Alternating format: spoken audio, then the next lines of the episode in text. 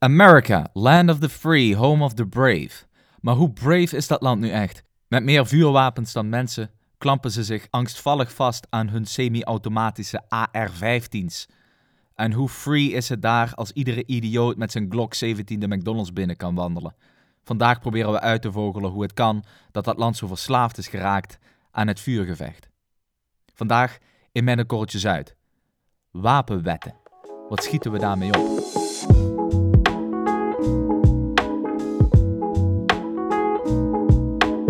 Dit is Met een Korreltje Zuid. De podcast waarin Auke en Max je wekelijks bijpraten over internationale actualiteiten en geopolitieke uithoeken. Twee heren zonder blad voor de mond met scherpe en minder scherpe analyses. En oh ja, je luistert naar twee vers uit de universiteit gerolde politicologen.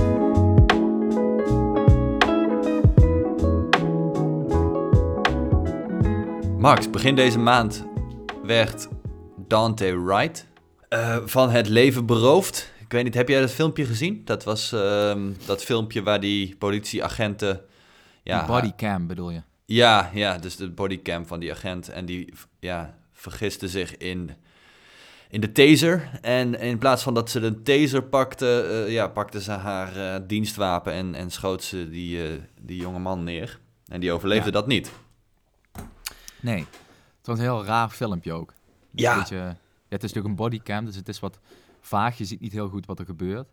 Maar uh, specialisten zeggen dat het echt wel heel ingewikkeld is om uh, je wapen, dus je, je geweer, mm -hmm. te verwisselen met je taser. Hmm. Die fel gekleurd Ja. en andersom in je holster zit en uh, veel lichter is, et cetera. Maar goed, in Ja. het, het narratief is nu dat in the heat of the moment je je nog wel eens vergissen kunt. Ja, ik zit te Eh. denken. Ik, ik, ik, ja, ik vergis me ook wel eens met, met dat soort simpele handelingen. En natuurlijk hebben mijn handelingen vaak minder consequenties dan, dan dit. Maar ja, Nou ja, goed, maar Ja. je, hebt- dit is een getrainde agent, hè? Mhm. Die zou getraind moeten zijn op dit soort situaties. Dus ik vind het vreemd. Maar goed, het narratief is nu, eh, in the heat of the moment, is, eh, he- heeft de beste vrouw zich eh, vergist. En ehm, ja, dat, dat zal eh, ja, in de rechtszaak moeten blijken wat daar eh, precies aan de hand eh, was en Mhm. is. Maar dit, is, dit staat natuurlijk in een groter geheel. Ja, Hè, De- We hebben dat nu de afgelopen, zeker vorig jaar, gezien. Er is veel geweld van politieagenten tegenover burgers. En dat heeft stof doen opwaaien, naar mijn, naar mijn mening terecht. Maar nu is de verdediging die je wel eens leest. Kijk, die agenten, die opereren in een, eh, ja, in een, in een veld, in een wijk, in een, eh, in een stad of in, Mhm. een, in een land eh, dat overladen is met vuurwapens. ja. Dus die, de approach is sowieso al totaal anders dan bijvoorbeeld bij ons. Als je Zo, ja. achter iedere eh, muur een, een burger met een vuurwapen kunt verwachten, ja, dan ga ik ervan uit dat je als agent Mhm. één, beter getraind moet zijn. En twee, dat je eh, bang eh, bent of eh, in ieder geval op je hoede. Eh, Ja. Maar dat werkt natuurlijk averechts uiteindelijk. Hè? Dat Ja. is natuurlijk een, een, een, draaikolk. Ja, je ziet dus in Amerika ook als je daar eh, nou, gewoon door de, door, de, door de wegenpolitie aan de kant wordt gezet. Dat gaat natuurlijk altijd al meteen met eh, loeiende sirene en zwaailichten en toeters en bellen. Word je op de vluchtstrook gezet en dan, dan moet je in je auto blijven zitten. Logisch. Eh, maar dan komt die agent naar jouw auto toe lopen met zijn hand al op zijn wapen. Gewoon in het geval dat jij toch een of andere gek bent met een AR-15 en eh, wilde plannen hebt. Put your hands where I can see 'em. Ja, ja, precies. Handen op je stuur houden, dat soort dingen. Niet plotseling in één keer ehm, ja, rare, rare bewegingen gaan maken, want dan kan slecht aflopen. Zo'n agent gaat er gewoon altijd van uit dat jij een, een wapen in je, in je hand hebt zitten. Overigens, ik ben ooit, toen ik in Amerika was, toen, eh, toen, toen nam ik zo'n Greyhound-bus tussen, tussen New York en, en Philadelphia. En ik had, ja, je kent gewoon, van- dat zijn gewoon van die coachbussen die je in Europa ook hebt, die f- Flixbussen. En eh, ja, mijn, mijn tas had ik boven mij in zo'n rek liggen. Aan het einde van die rit kom ik aan in Philadelphia. Ik pak mijn tas en ik voel nog even of daar, eh, of ik iets heb laten liggen of zo. En in één keer grijp ik gewoon met mijn hand een hele, hele hand kogels vast. Gewoon, die lagen daar. Die dat was iemand vergeten. Eh, eh, van die 9 mm Maar van die- bullets. Maar echt bullets of van die hulzen? Nee, echt bullets. Gewoon die, die ready to go waren, zeg maar. Als ik een, als ik een geweertje had gehad, joh. hadden die erin gekund. Ja. Dus je had iemand nog eventjes zijn kogels laten liggen. Ja. Oké, maar dat geeft natuurlijk wel een beetje al meteen aan eh, wat voor land eh, dat is natuurlijk. Ja, Hè? ja, ja. Maar kun jij, eh, jij bent Amerika-deskundige, Eh kun jij eens... ehm, ja, ik, ik denk dat we er allemaal wel een idee van hebben, hoor, van die geschiedenis van dat Amerika. Maar het, Hmm.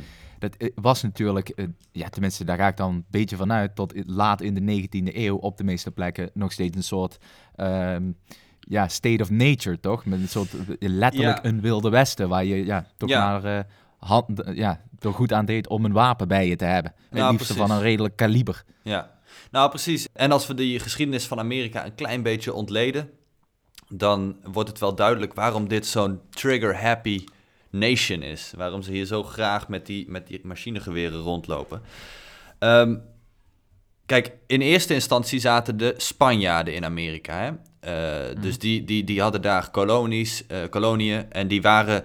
Die, die hebben volgens mij zelfs helemaal tot in Alaska zijn die opgetrokken. Die hebben in totaal een gebied gehad wat zo groot is wat ongeveer de huidige 26 staten. Dus dat is, Ja. dat is fors. Een In heel tweede instantie trouwens. Hè. In eerste instantie zaten daar natuurlijk gewoon de natives. Juist, ja, ja, ja. Maar ik snap wat je bedoelt. Ja, nee, als het gaat over de koloniale eh, geschiedenis. Nou, die Spanjaarden hadden, het, hadden een insteek. Wij moeten die koloniën onderhouden. Wij sturen daar mensen heen. Maar die mensen mogen absoluut niet zelf eh, geweren hebben. Want ja, voor je het weet heb je een opstand eh, aan je broek hangen. Dat willen we Mhm. niet.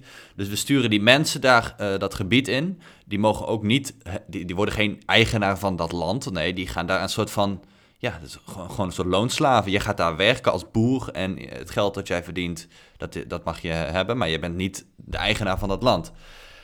De Britten, die kwamen daarna, die hadden een andere insteek. Die zeiden, jongens, eh, hè, jullie, zijn, jullie zijn Brits, jullie, wil- wij willen dat nieuwe, de nieuw, de New World willen, jullie, willen wij gaan koloniseren.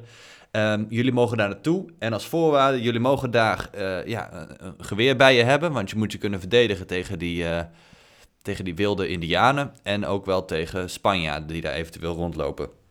Dus dat mocht. En ze kregen als voorwaarde, als jij je gaat settelen in, in dat wilde westen, dan krijg jij een stuk land. Nou, dat was natuurlijk een hele aantrekkelijke voorwaarde voor veel mensen. Dat die dachten, nou weet je, ik ga naar de, naar de nieuwe wereld, ik krijg een stuk, stuk land en ik mag een geweer bij me hebben. En zo werd dus eigenlijk die, die, eh, ja, ja, die twee dingen werden heel erg aan elkaar gelinkt. Dus het hebben van land en het, he- en het daar mogen, eh, en dat mogen eh, beschermen met een geweer. Dan zie je dus dat het voor die Britten ook eh, voornamelijk heel erg een persoonlijk ding werd. Om je, Want het was jouw eigen land, dat moest jij verdedigen natuurlijk. Terwijl die Spanjaarden, ja, die, die, dat waren loonslaven. Die hadden niet een persoonlijk in- in- interesse om dat land te verdedigen, want dat, dat was niet van hun. Ja. Dus je ziet dat die Britten veel meer daar persoonlijk eh, mee bezig waren. En dat, dat, dus, dat die relatie tussen land en, en gun ownership, eh, dat die heel erg gelinkt was met elkaar.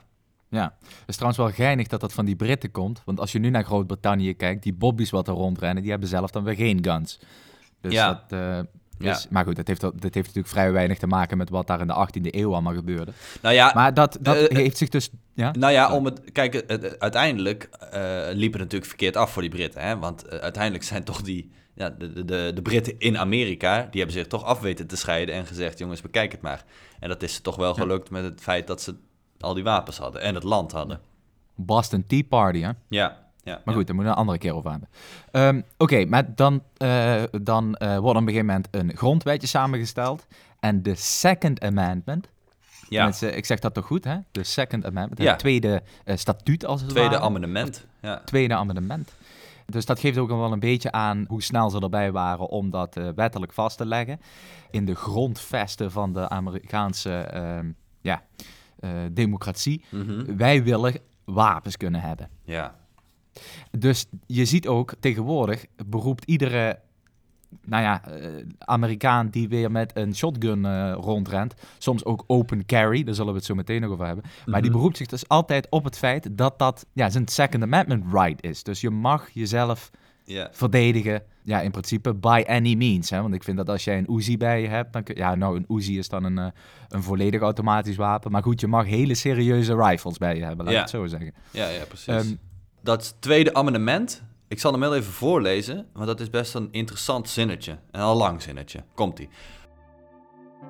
A well-regulated militia, being necessary to the security of a free state, the right of the people to keep and bear arms shall not be infringed. Dus Ja. ja, eh, en meestal... Opgepend in 17 nog wat, hè? Let wel. Ja, 1791. Ja.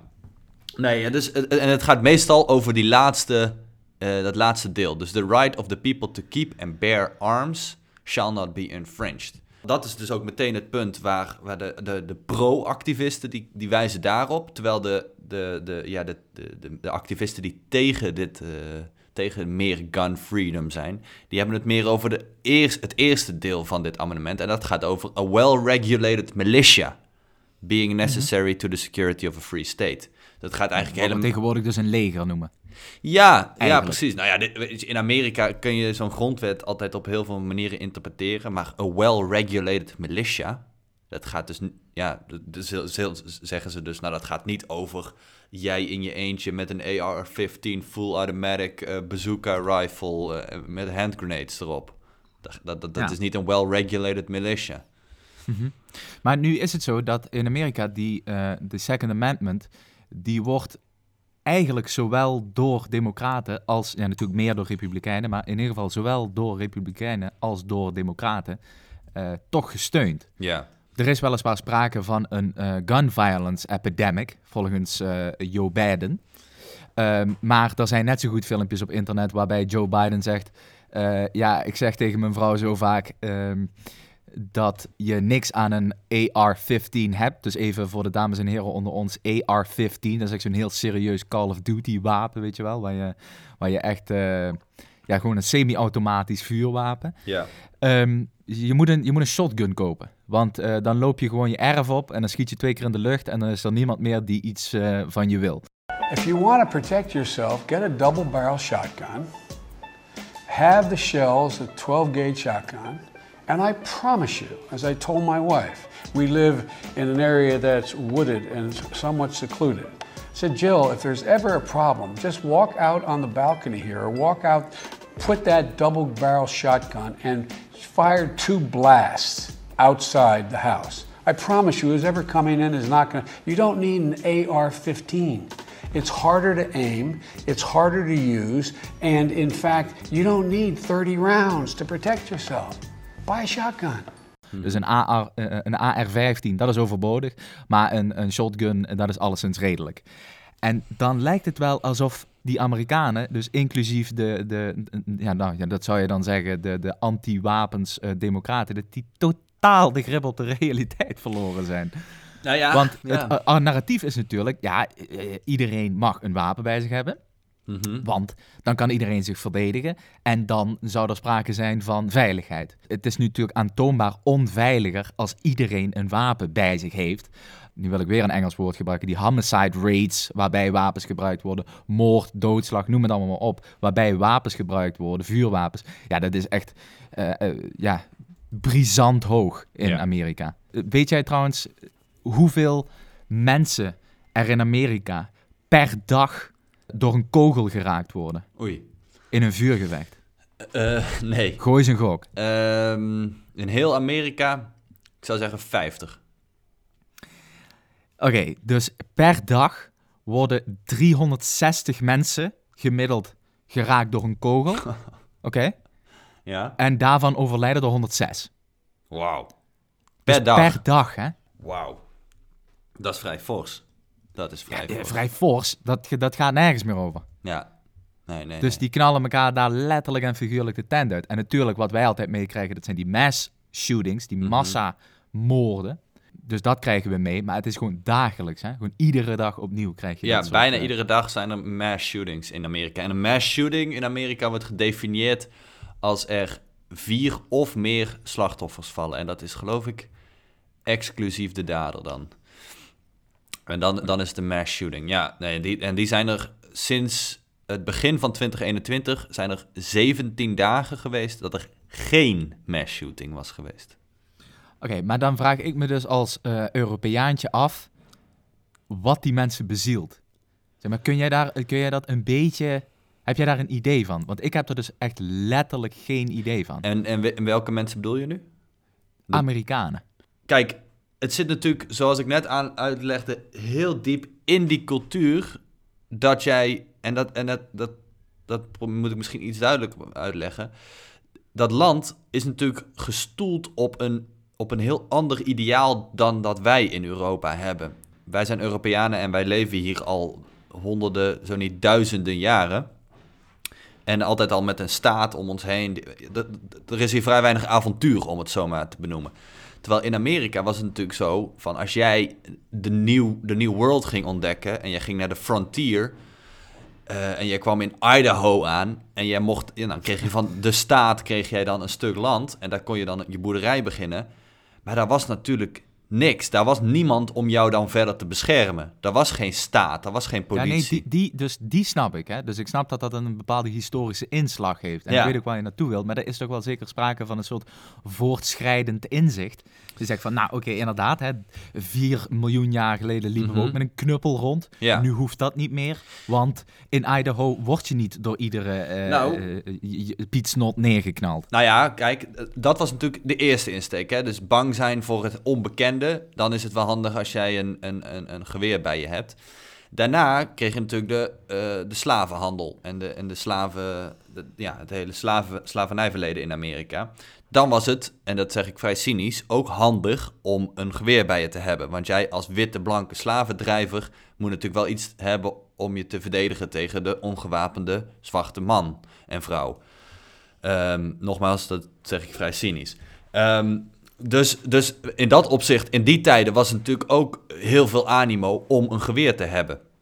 Uiteindelijk mhm. is die slavernij natuurlijk afgeschaft.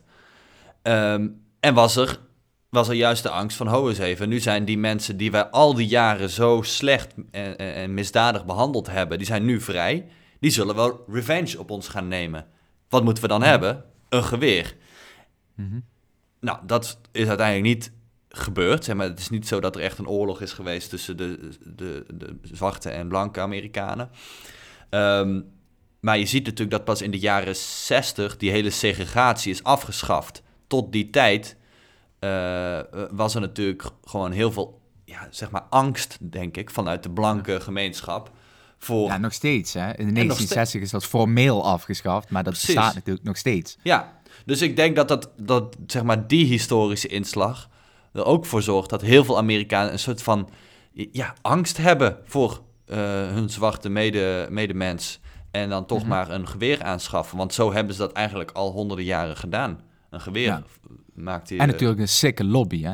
Ja. Je hebt dat NRA, die National uh, Rifle Association. Dat is trouwens...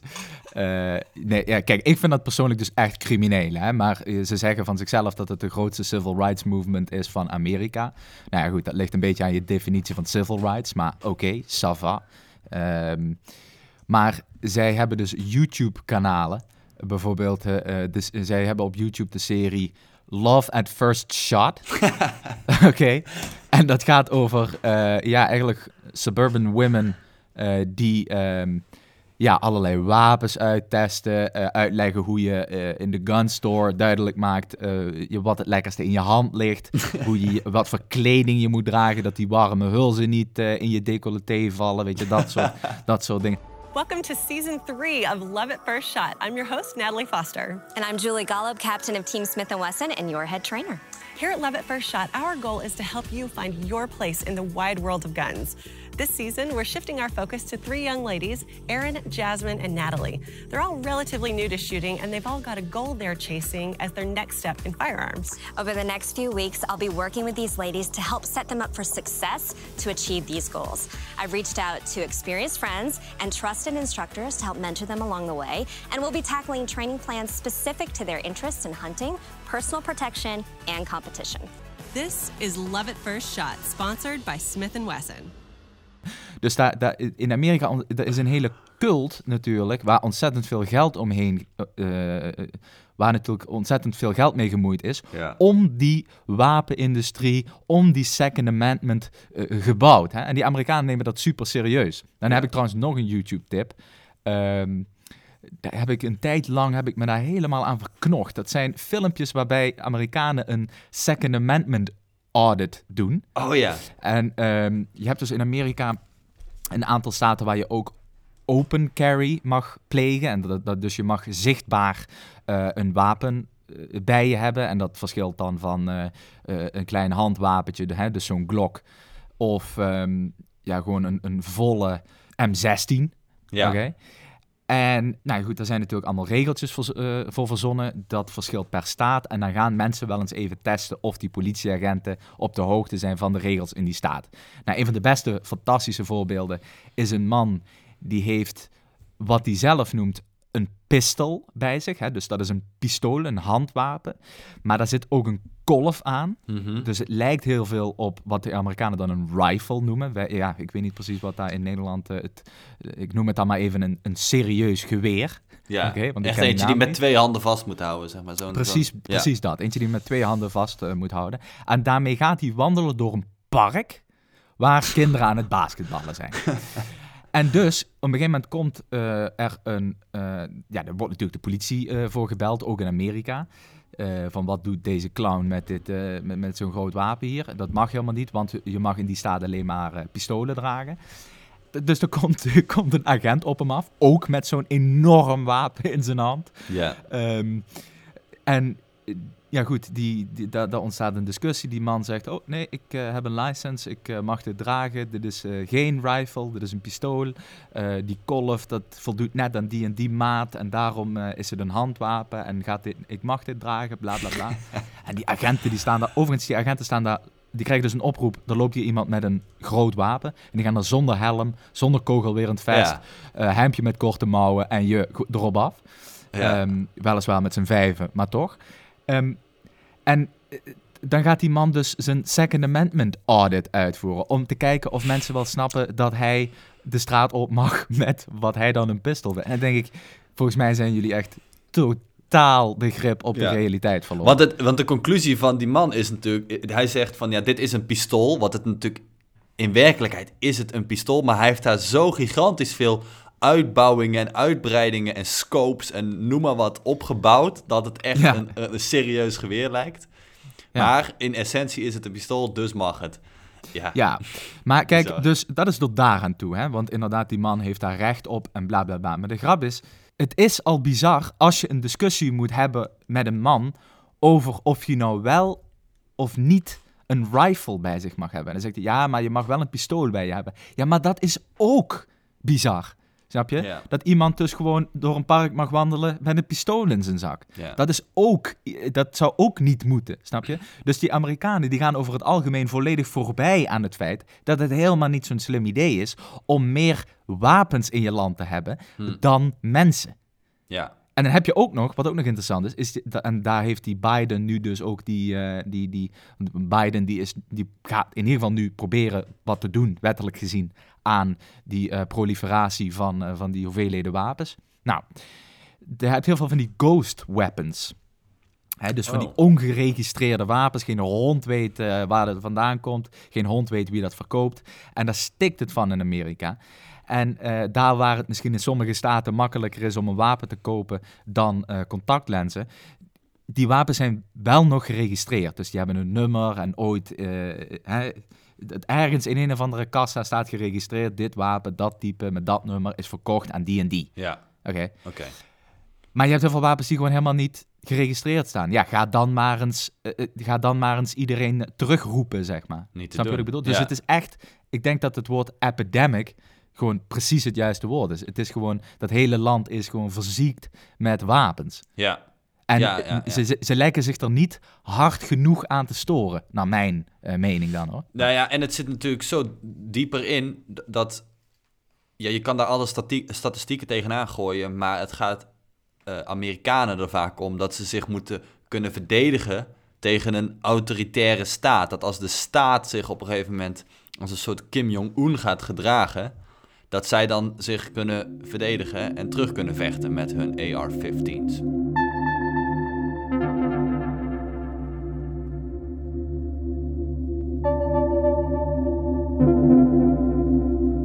Dan even de sluikreclame.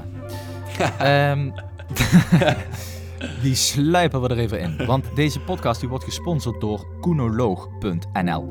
Koen, de oenoloog, verkoopt fantastische wijnen. Eh, die verkoopt hij in boxen van zes. Dat zijn wijnen die zijn eh, speciaal.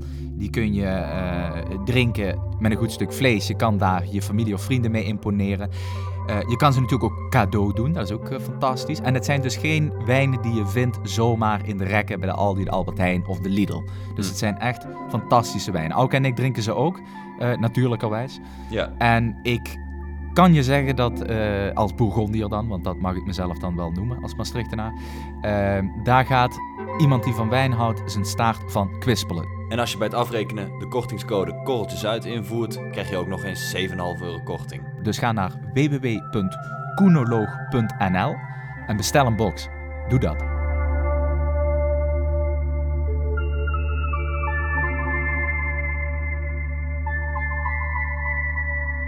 Een oplossing.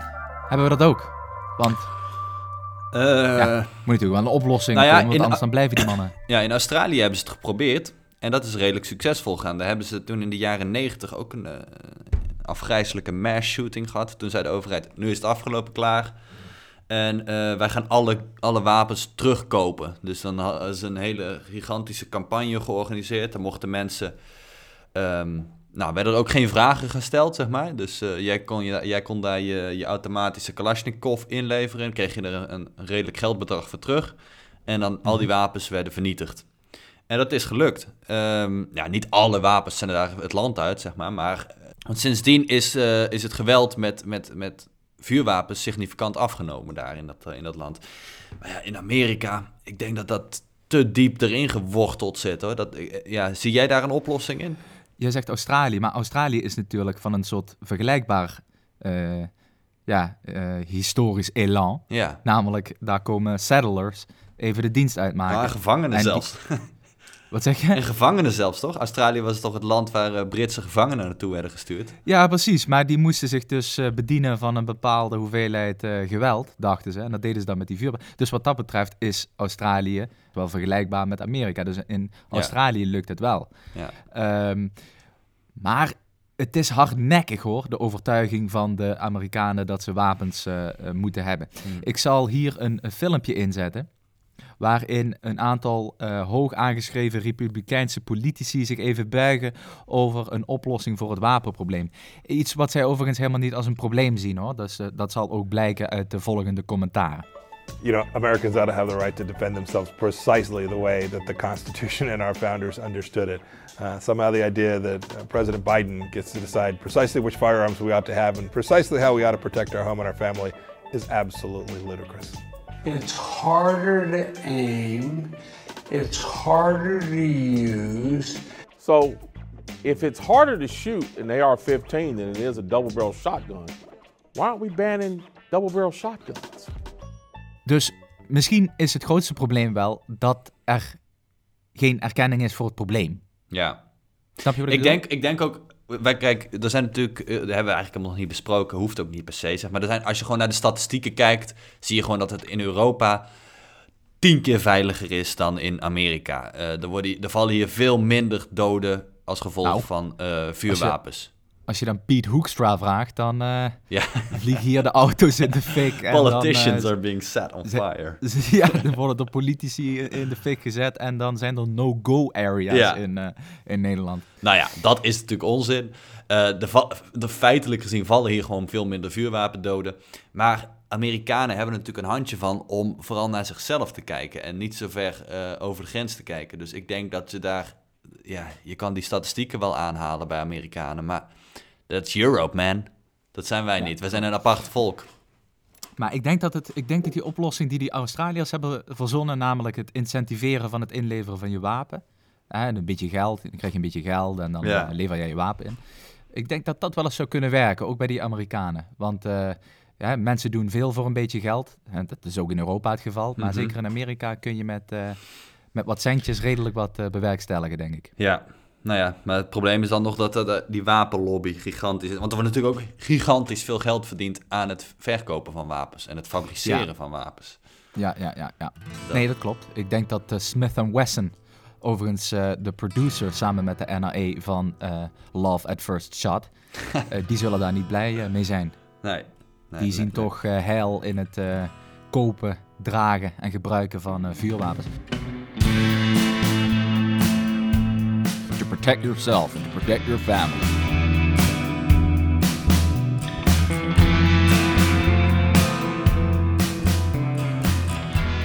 Dames en heren, dit was hem weer voor uh, deze week. Vind je dit een fantastische podcast? Ga naar www.petje.af slash. Uh, dan kun je ons ontzettend blij maken met een uh, donatie. Dan krijg je van ons extra content om de zoveel tijd. En je zit in de fantastische Helden van de Podcast WhatsApp groep. Waar in principe uh, continu gebatteld wordt over nou ja, allerhande onderwerpen. Nationaal, internationaal, obscuur of niet obscuur. verschillende meningen, mensen van verschillende mensen met verschillende achtergronden. Ontzettend boeiend. Dus ga naar www.petje.af slash uit. En wie weet tot volgende week. Tot volgende week. Hoi.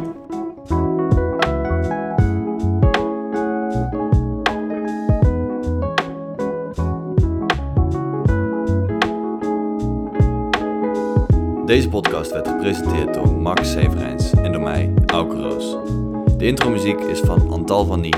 De cover art is gemaakt door Jules Jansen. kijk voor meer informatie op korreltjesuit.nl